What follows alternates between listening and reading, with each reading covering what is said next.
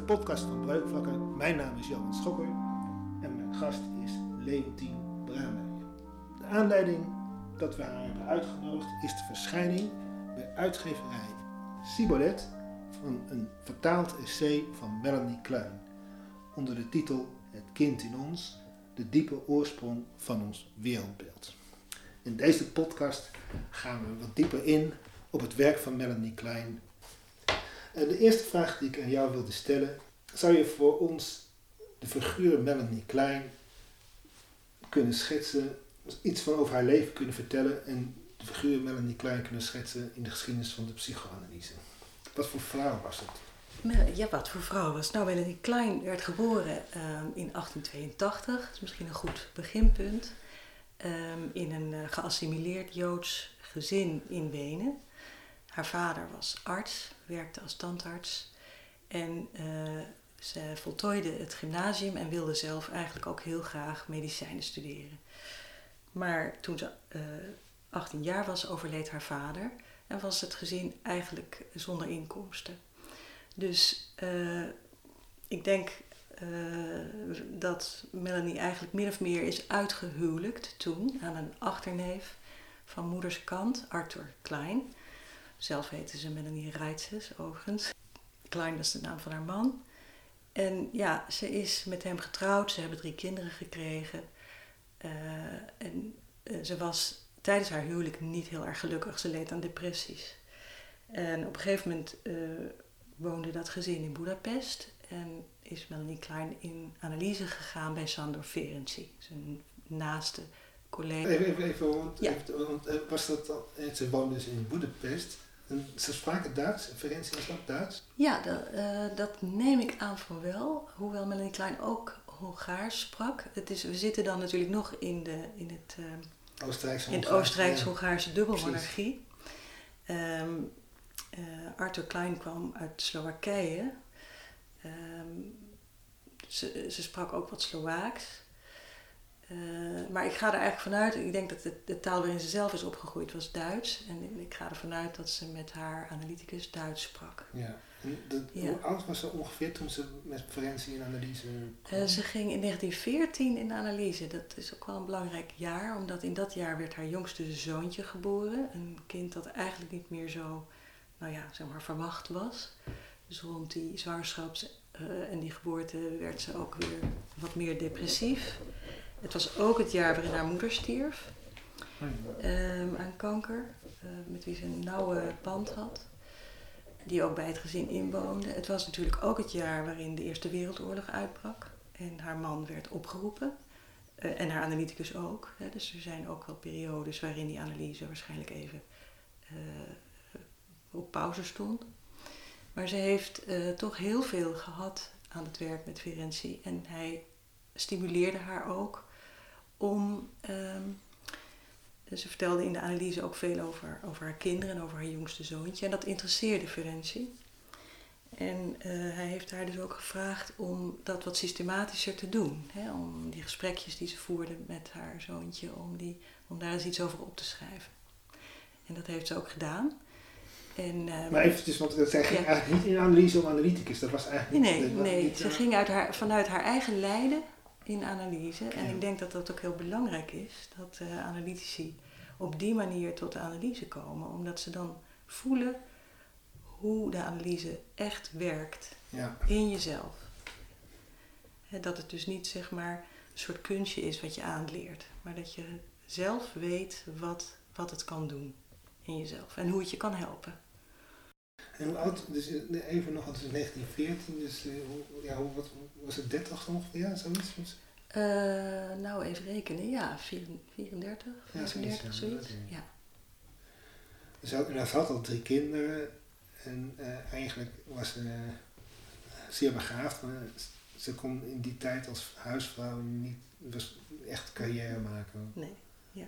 Ik denk dat dat ook meespeelde in haar. Er zullen verschillende dingen hebben meegespeeld. Hè? Dat ze uh, inderdaad een intelligente, begaafde vrouw was. Dat ze zich ook, uh, het werk van haar man vroeg ook uh, van haar dat ze, hij werd overgeplaatst. Of hij vond steeds andere fabrieken die hij kon leiden. Dus dan verhuisde ze weer naar een, een of ander afgelegen stadje. Ja. Waar zij niemand had om mee te praten.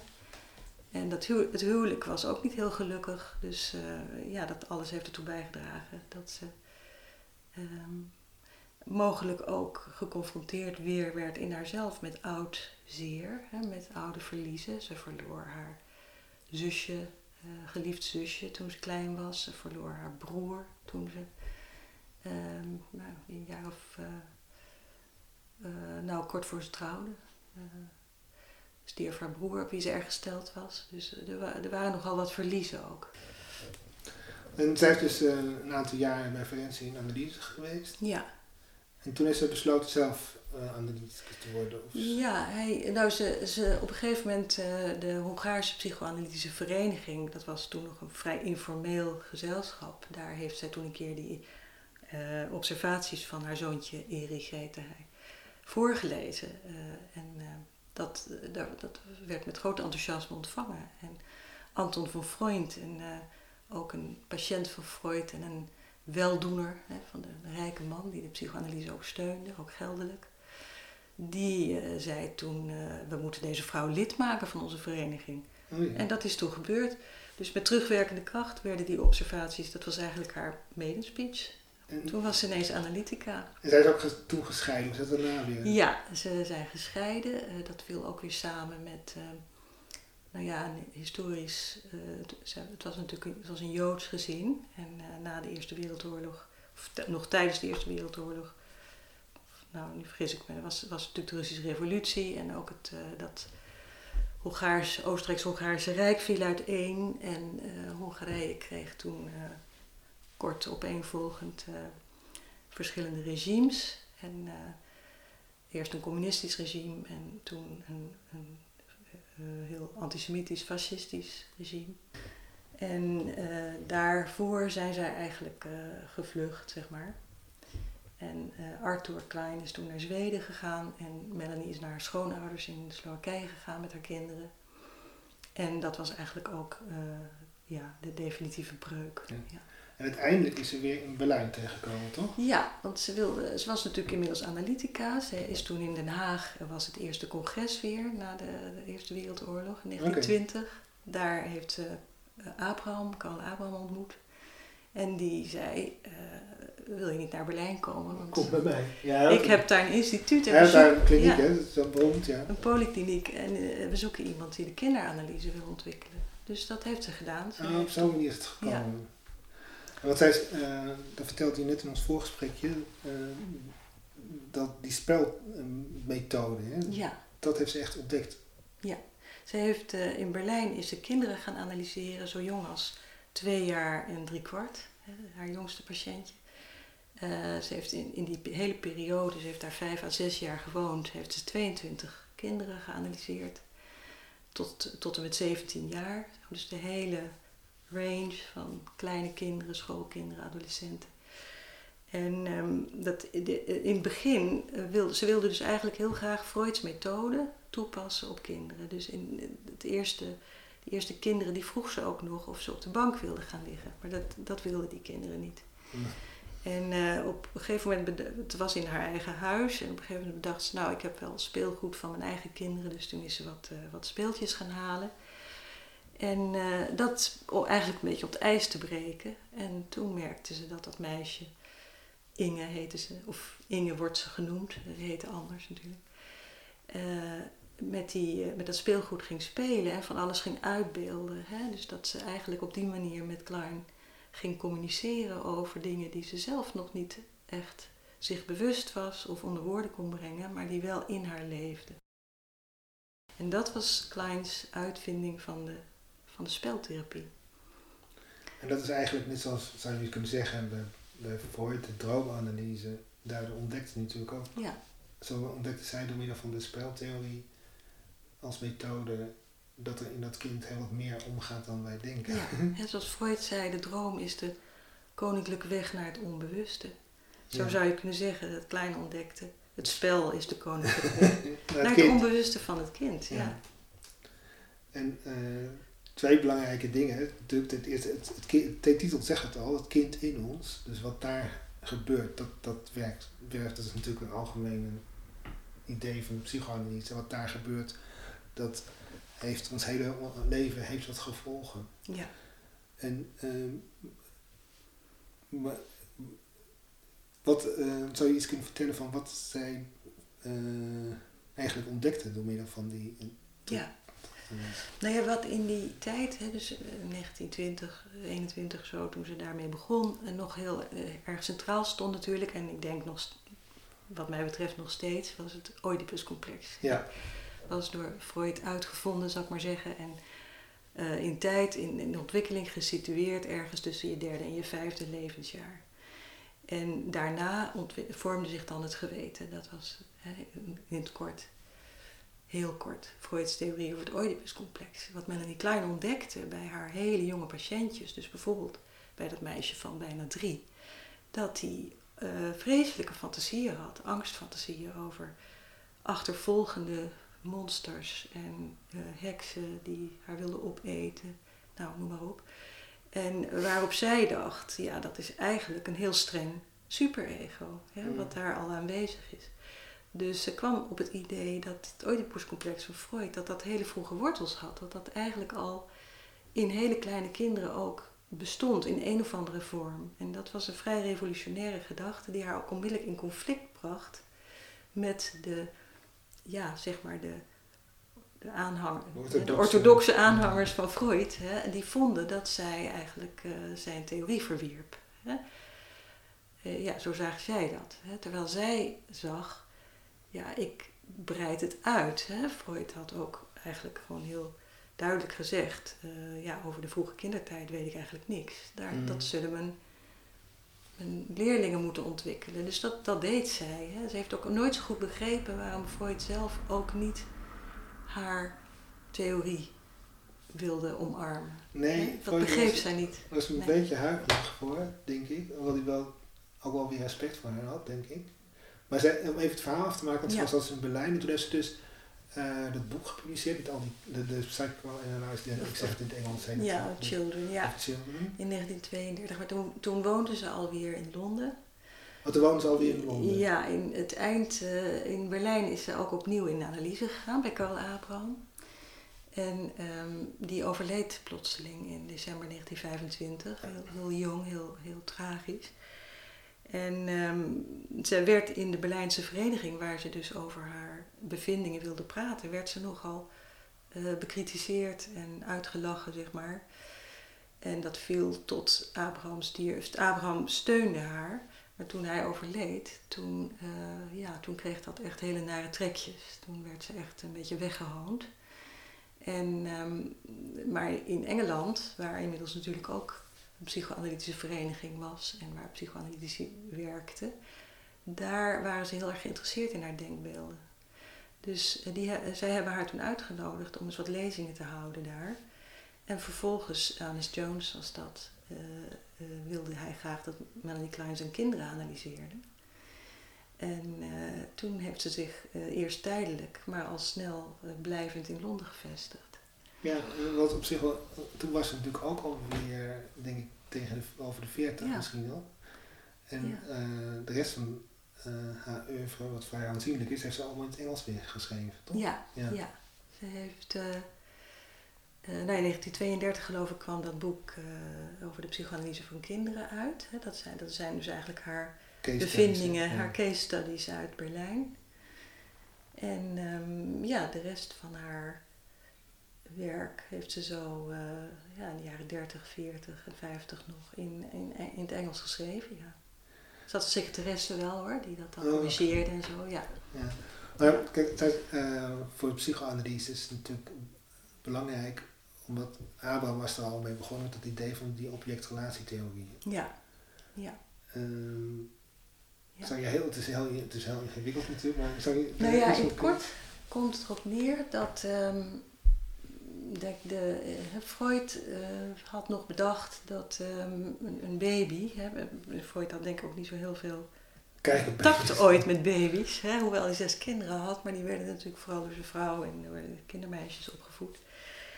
Um, maar uh, dat een baby de eerste maanden in een soort uh, ja, narcistische staat helemaal in zichzelf gekeerd is. Ehm, en uh, Melanie Klein uh, concludeerde, ik denk ook op grond van haar eigen uh, ervaring, want ze had natuurlijk zelf drie kinderen gekregen. maar ook op grond van haar bevindingen met die spelanalyses met die kleine kinderen, dat al een pasgeboren baby eigenlijk al meteen zich richt op de moeder. Hè? Dus dat er meteen een relatie is met wat de analytici noemen het object, hè? dus de ander. Ja. Vanaf het begin. Dus uh, ja. En waarschijnlijk al voor, voor de geboorte natuurlijk. Hè? Al was daar natuurlijk toen nog niet zo heel veel over bekend. Maar... En, die objecten, die, in je mentale, ja, moet ik het zeggen, ruimte, je mentale geest, daar identificeer, je je ook mee. En die neem je ook mee in je hele leven, niet? Ja, dus uh, je ontwikkelt je persoonlijkheid aan de hand van die eerste relatie. Eigenlijk zou je kunnen zeggen.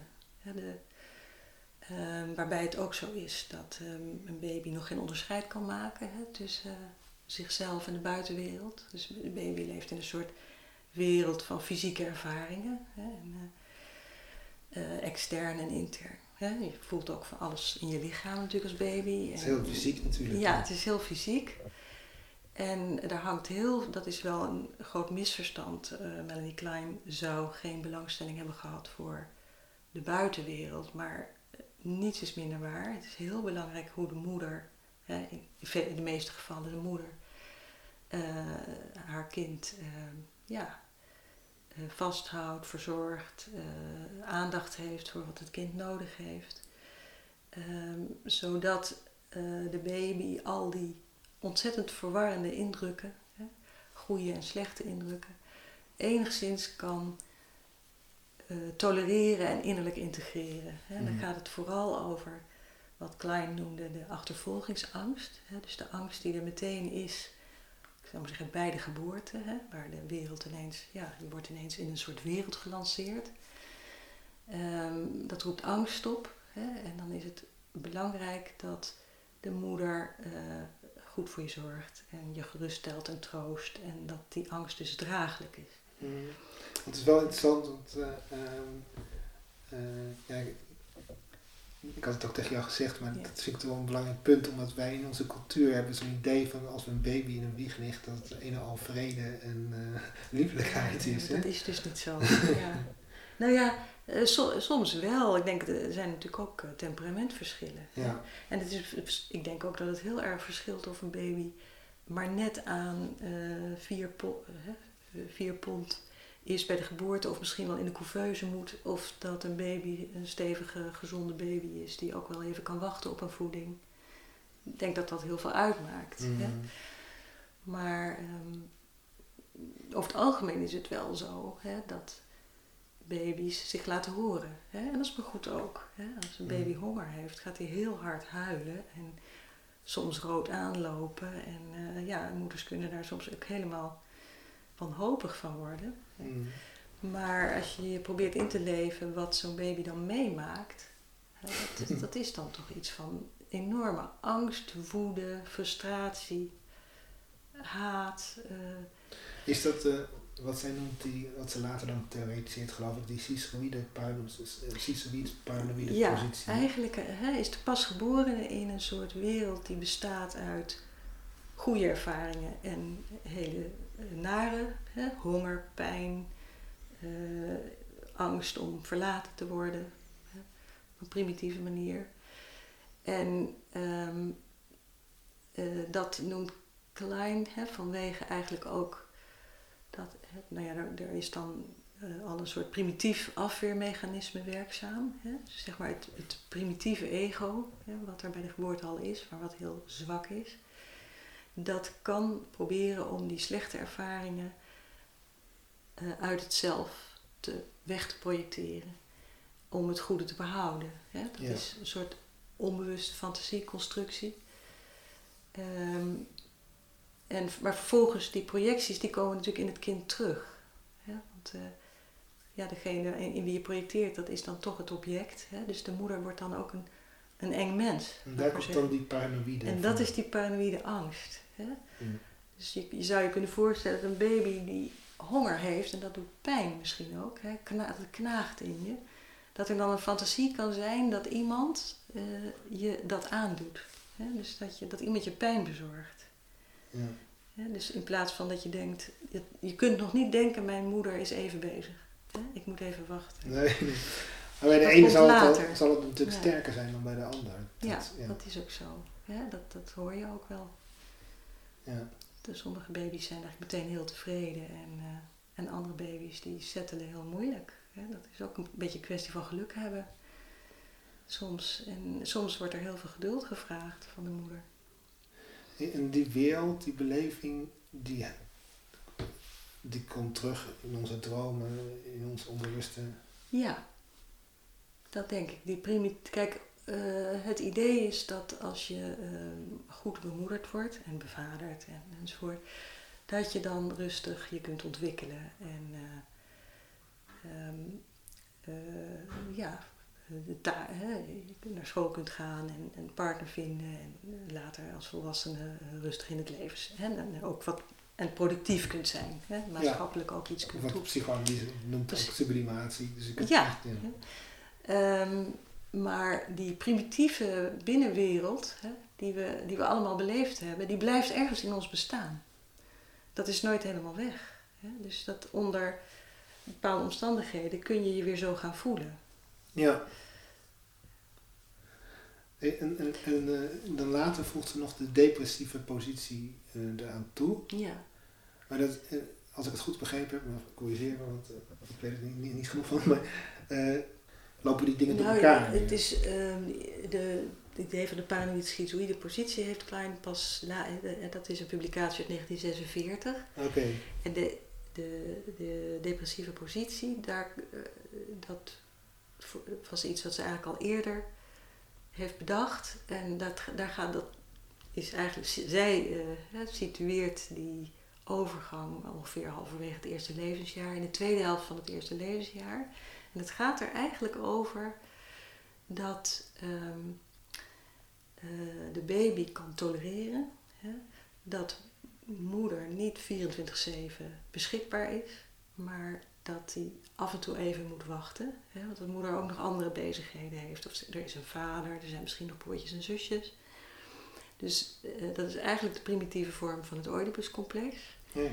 Hè, van ik ben niet almachtig, ik moet mijn plek innemen binnen de groep.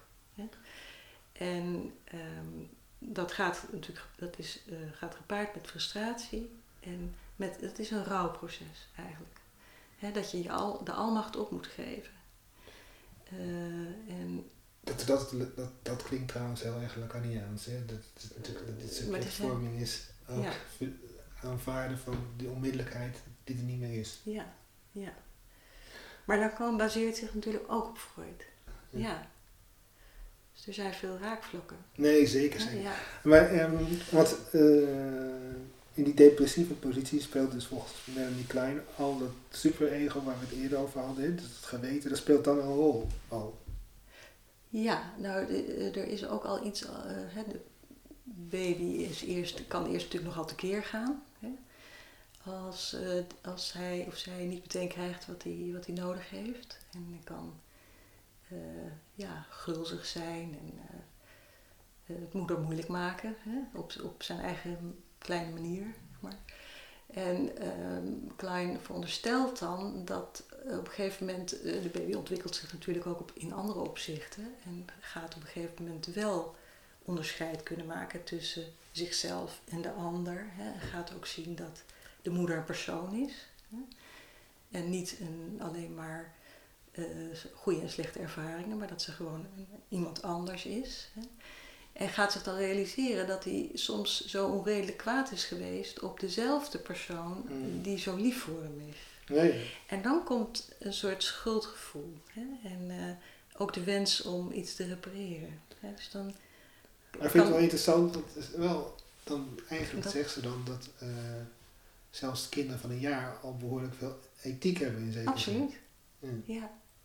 Maar dat, dat, dat kun je ook merken als je met hele kleine kinderen omgaat.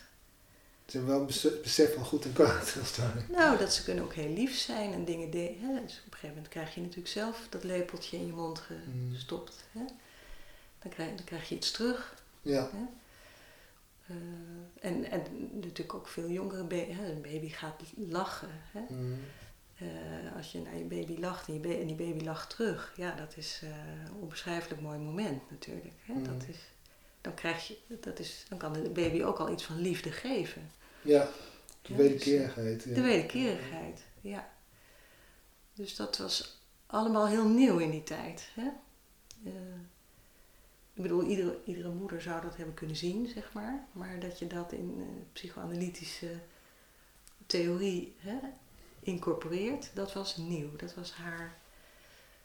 En in Engeland eh, was veel meer een traditie al van eh, ja, hoe ga je om met kinderen? Hoe voed je ze op? Hoe eh, breng je ze groot? Dus dat viel ook wel, haar ideeën vielen daar wel goed.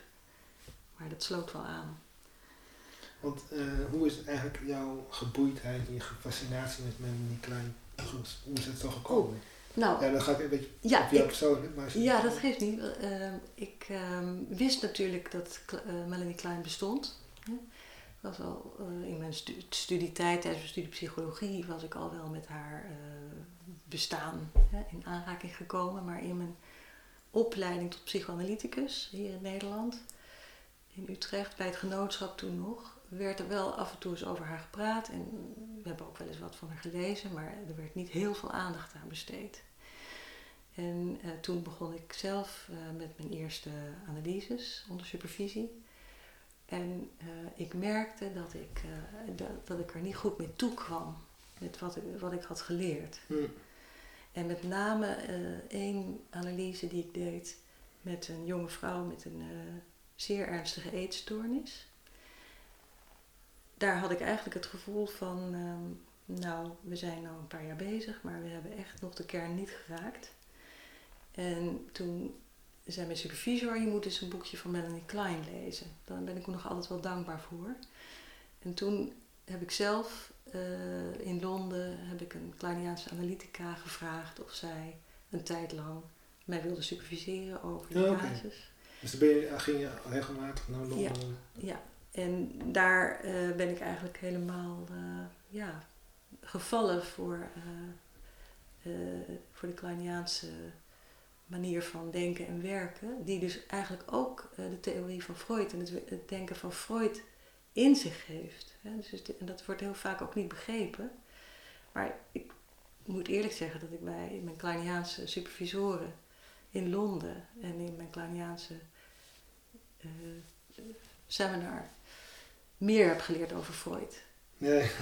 dan in mijn hele analytische opleiding hier. Ja.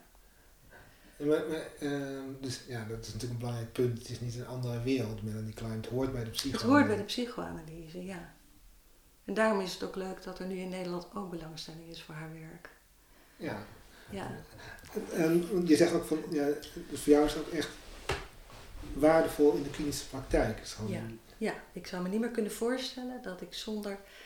Klein heeft natuurlijk nog meer eh, begrippen hè, eh, geïntroduceerd. Bijvoorbeeld eh, het idee van splijting hè, en, en projectie en projectieve identificatie. Ja.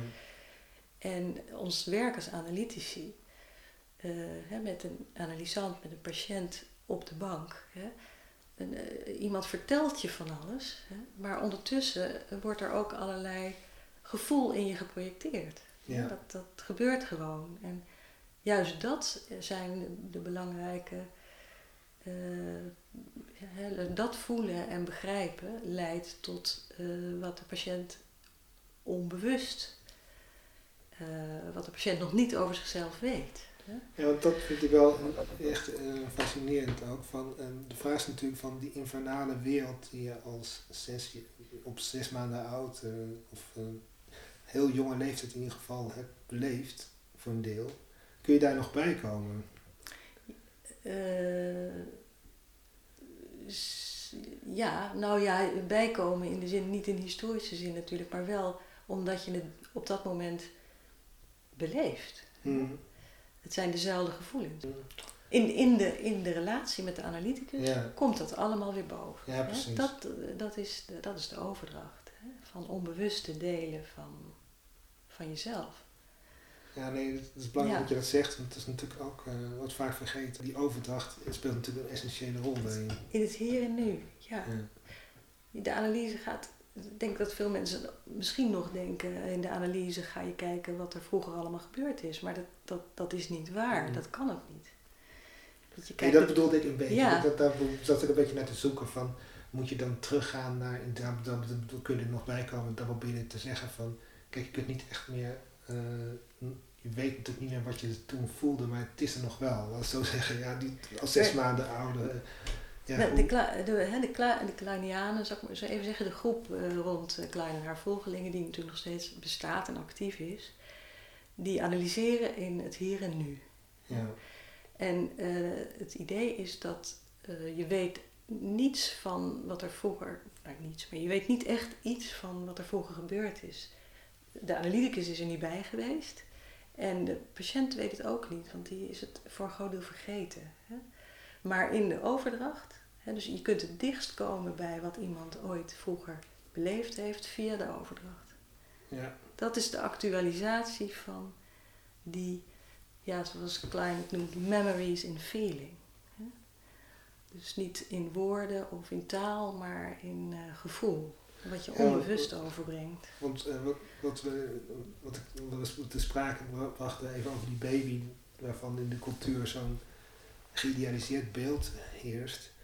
Voor de meeste mensen geldt natuurlijk dat ze als ze volwassen zijn, niet iedereen, maar de meeste mensen hebben wel nog een liefdevolle band met hun ouders of met hun moeder. Maar die moeder die zo centraal is, die heb je ook gehaat natuurlijk. Die heb je ook gehaat. Hè? En dat komt ook weer terug, bijvoorbeeld in de puberteit. Ja. Ja. Maar de haat is een onderdeel van, uh, van iedere verhouding. Nee, precies, maar het gaat erom maar, dat erkennen. Dat het, daar, daar, daar ligt ook een bron van haat natuurlijk.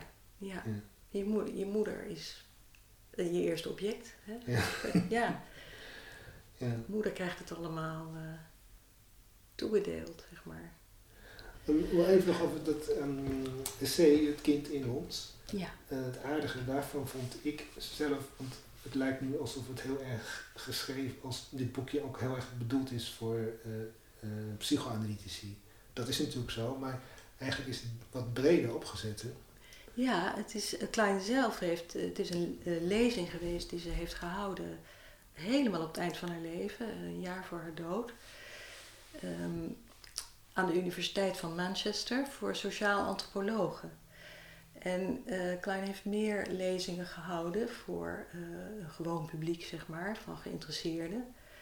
Um, vond het ook heel belangrijk dat haar theorie wat breder bekend werd. Hè? Dat, dat veel meer mensen er iets aan hadden dan alleen um, mensen met uh, neuroses en ernstiger problemen en hun behandelaars. dus dat, dat het ook in, uh, in de opvoeding of in het onderwijs of uh, nou in deze lezing staat ook iets over leiderschap. Hè, en over, nou ja, zeg maar in iedere groep waar mensen met elkaar relaties hebben, is het, kan het helpend zijn om iets te weten over de ontwikkeling van de persoonlijkheid. Dat, dat, dat was eigenlijk wel een, een, doel ook in haar leven. Ja, en ook wat je het vertelde, al die aspecten die we dan uh, vaak verdringen in het normale sociale leven, dat je daar uh, als opvoeder ook, ook uh, oog voor kan hebben. Of, ja. nou wat, ik bijvoorbeeld, wat je bijvoorbeeld kan tegenkomen in, in een jong gezin, hè, wat, dan is er een kindje, nou het kindje is een jaar, jaar of drie, twee of drie of zo, en dan wordt er een baby geboren. Dat is heel moeilijk voor zo'n ouder kind. Want die moet dan, zeker als het het eerste kind is, hè, want, eh, ja, die moet dan ineens toch die aandacht, uh, die exclusieve aandacht delen. Hè. En uh, ik, ik, ik merk wel eens uh, dat kinderen, ja, kinderen kunnen dan lastig worden of het broertje of zusje pijn doen of zo. En die worden daar natuurlijk dan wel op gecorrigeerd. Hè. Maar um, soms is er heel weinig aandacht voor hoe moeilijk dat is voor een kind wat een worsteling dat is. En dat een kind eigenlijk helemaal niet lelijk wil doen tegen dat broertje. En het is ook belangrijk dat je leert dat een broertje of een zusje, dat dat een enorme bonus is in het leven. Hè. Dus dat je die haat overwint. Maar daar is dan wel, eh, wat denk ik, toch vaak wat meer begrip voor nodig. Hè? Voor zo'n kind eh, van, ja, hoe boos het is. Ja. Hè? Dus dat, nou ja, dat lijkt me belangrijk voor mensen om, om te weten. Hè? Nou zijn dat soort ideeën inmiddels wel veel meer doorgedrongen hè? in Mhm. eh, brede lagen van de bevolking. Maar ook, eh, eh, ja, ontgaat een baby eigenlijk niks als ik Melanie Klein goed eh Nee. lees. Nee, de baby zelf. Hè? Ja. Ja, ja het is, eh, die periode is heel erg belangrijk. Ja, dat is ook wel een. Nou ja, dat is. eh, ik merk dat ik het een beetje moeilijk vind om dit uit te spreken, maar ik denk dat er wel wat meer aandacht zou mogen zijn voor de unieke relatie en dat die wel wat meer beschermd zou mogen worden. En daar, daarmee zeg ik niet dat ik vind dat vrouwen met kleine kinderen niet moeten gaan werken of zo. Maar ik denk dat het, eh, dat het belangrijk is om te beseffen eh, hoe kwetsbaar een kind is, een baby is. En hoe belangrijk eh, continuïteit is en, eh, en, en geruststelling op, hè, op, op het goede moment. En eh, En aandacht, kinderen niet te veel alleen moet laten. En, Maar zonder te idealiseren dan, zou ik zeggen.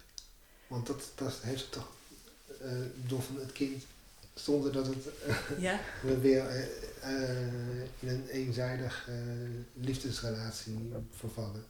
Dus dat is dan natuurlijk de andere kant. Hè? Dat is ook niet goed. Hè? Nee. Dat, eh, daar hebben Alitie natuurlijk ook, ook wel over geschreven. Eh, en in die zin is de vader hè, heel belangrijk. Of en alles wat hij eh, vertegenwoordigt.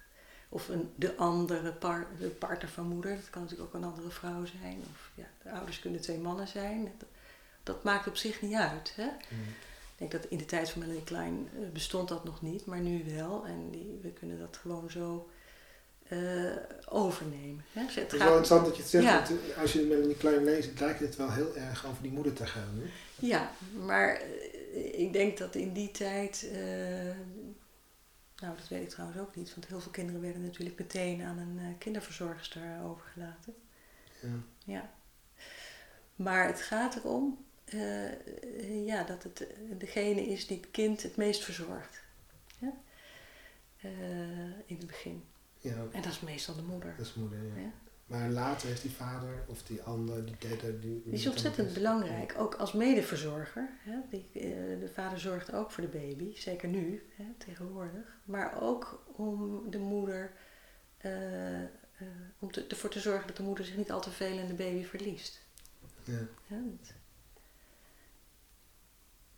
Anders wordt de separatie weer te moeilijk. Ja, nee, precies. Nee, ja, en ook eh, waar we nu wel een beetje aan lijden, dat eh, ieder kind is een wonderkind. dat is een beetje, eh, ja. Dat is denk ik heel erg voor kinderen. Mm, Ja, als ouders onrealistische verwachtingen hebben. Ik, ik, ik denk dat het, de, de belangrijke taak van de opvoeder is. eh, dat zegt ze trouwens ook in dit boekje, dat is ook wel heel leuk. Hè, dat was toen blijkbaar ook al een beetje aan de gang. Hè, dat ehm, ja, de opvoeding was te streng. Hè, dus in de eh, Victoriaanse opvoeding, zou ik maar zeggen. Dus rond de eeuwwisseling gingen mensen daar anders over denken. Hè, dat je wat wat, wat eh, flexibeler moet zijn. Hè? En, eh, en, maar kinderen wel eerlijk bijvoorbeeld moet voorlichten. Maar dat het de grote eh, vrijheid hè? en de kinderen te veel eh, toegeven, dat dat eh, leidt tot een heel ander soort problemen. Hè? Namelijk kinderen die zich later niet meer kunnen aanpassen. mm, Ehm, en die niet genoegen kunnen nemen met eh, ja, een deel van wat er te krijgen is. Hè? Maar die alles willen hebben of kunnen. Of, eh, ja. dat is natuurlijk ook een probleem. En dat gaat ook wel weer over, waar je het eerder over had, over die depressieve positie goed te verwerken. Die, Ja. Ja. Ja, je zou kunnen zeggen, de, al, eh, als mensen denken dat hun kind een wonderkind is, tenzij hun kind echt een wonderkind is, ja, dan heb je natuurlijk weer een ander probleem. Maar dat je de almachtsfantasie in stand houdt. ja. Ehm, Nou, het, is Ja. heel inter- het is wel interessant, vind ik wel, wat je zegt allemaal. Omdat het inderdaad het kind, kijk, aan de ene kant, eh, het kind en de relatie kind-moeder is bijzonder natuurlijk. Ieder, ieder, is, ieder Ja. op zijn eigen manier is bijzonder. Tegelijkertijd de- het- gaat het ook om inderdaad van ja, eh, niet ieder kind is hoogbegaafd, niet ieder kind eh, Ja. ja. is, is een Picasso. Ik denk dat je als, als opvoeder heb je misschien wel, te- is je taak tweeledig. Hè? Je, moet in, eh, je moet en je kind voldoende liefde en zelfvertrouwen geven, zodat het een beetje bestand is tegen tegenslag. En je moet ze leren met teleurstellingen omgaan. En er is ook altijd een gedachte, ik Melanie Klein, ik weet niet of ze dat zelf ergens zegt, maar dat zou ik me goed kunnen voorstellen. eh, is dat, eh, wat, ja, wat is een goede moeder? Een goede moeder is niet een moeder die haar kind in alles tegemoet komt. Een, een goede moeder is een moeder die nadenkt, wat is nu het beste voor mijn kind? En soms is dat om niet toe te geven. Hè, met een soort idee van, ja, maar kijk, voor mij is deze baby het allermooiste wat er bestaat. Maar voor andere mensen is het gewoon een kind en later een mens. Hè? En niemand gaat mijn kind zo verwennen als ik dat zou willen doen. Dus daar moet je een kind wel op voorbereiden. Ja. hè? Inderdaad. Ja. Hey, en, ehm, eh, ik had nog twee vragen.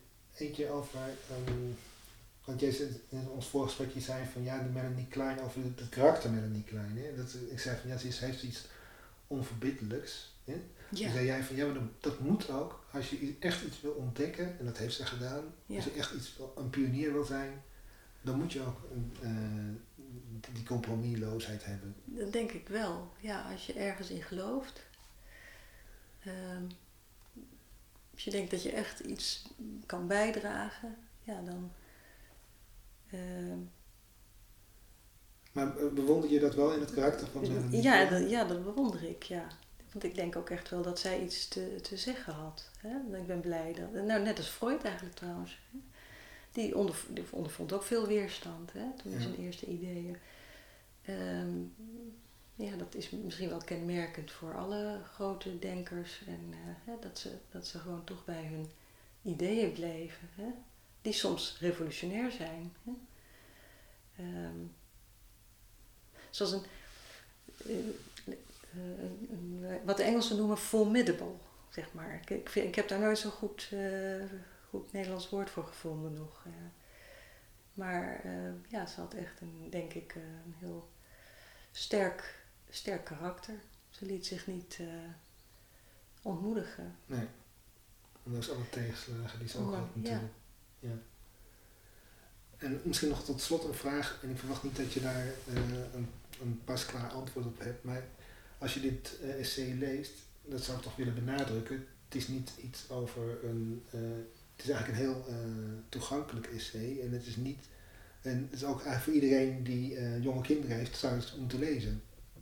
Of, Ja, nou, eh, ik denk dat iedereen het boekje zou moeten lezen. Maar Nee, want het eh, gaat heel erg over, over van eh, hoe ga je ermee om, wat speelt er in een kind. Ja. Ja, ja, dat denk ik. Ja, ik, ik, eh, er zijn nog wel meer teksten van eh, Melanie Klein die in die zin eh, heel eh, leuk zijn om te lezen. En waarvan ik denk, nou, die zouden die zouden ook wel eens vertaald kunnen worden nog. En, eh, En dan wilde ik eigenlijk naar de vraag naartoe, maar dat is eigenlijk om, om niet moeilijk te beantwoorden vraag, maar waar zit dan die weerstand in tegen de psychoanalyse en tegen Melanie Klein? Waarom, waarom is het eigenlijk niet veel breder geaccepteerd? ja, wat zou dat zijn? Ja, daar heb ik inderdaad geen pasklaar antwoord op. Had, het, had ik het maar.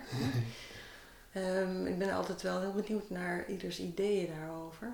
Eh, ik kan me er ook niet zo goed in, in verplaatsen natuurlijk, omdat het voor mij zo'n ja, bron is van eh, Inspiratie. inspiratie. En eh, het, is, het is niet alleen natuurlijk een theorie over hoe je mensen met ernstige psychische problemen kan helpen, maar het is ook een soort wereldbeeld. Hè?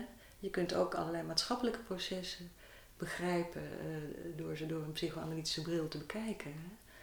Als, je, als je het hebt over doodsdrift en levensdrift en liefde en haat, ja, dat zie je overal om je heen. Hè? En hoe mensen dingen eh, afsplitsen en logenen en, eh, en wat de problemen die dat geeft. Hè? De afgunst die eh, mensen soms voelen en die het, het goede in relaties compleet stuk kan maken. De psychoanalyse is een heel rijke theorie. En ehm, ja, waarom er weer. Ik denk dat er op dit moment eigenlijk te weinig eh, geschreven wordt over analyse. Er zijn heel, veel mensen die eigenlijk niet meer niet weten dat het nog bestaat, bij wijze van spreken. Maar ja, je kunt je ook afvragen, hoe komt dat dan? Het is uh, meer een soort, uh, ja, leuke hobby of zo geworden, hè? in de ogen van veel mensen, dan... Uh, dat heeft natuurlijk ook wel de reputatie van jarenlang in analyse en het leidt tot niks. Dat is natuurlijk ook... Ja, maar dat, ja, kijk, ik kan natuurlijk vanuit mijn eigen ervaring zeggen uh, dat een analyse ongelooflijk uh, helpend is voor, voor jezelf. Hè? ik heb dat zelf ondervonden. ja,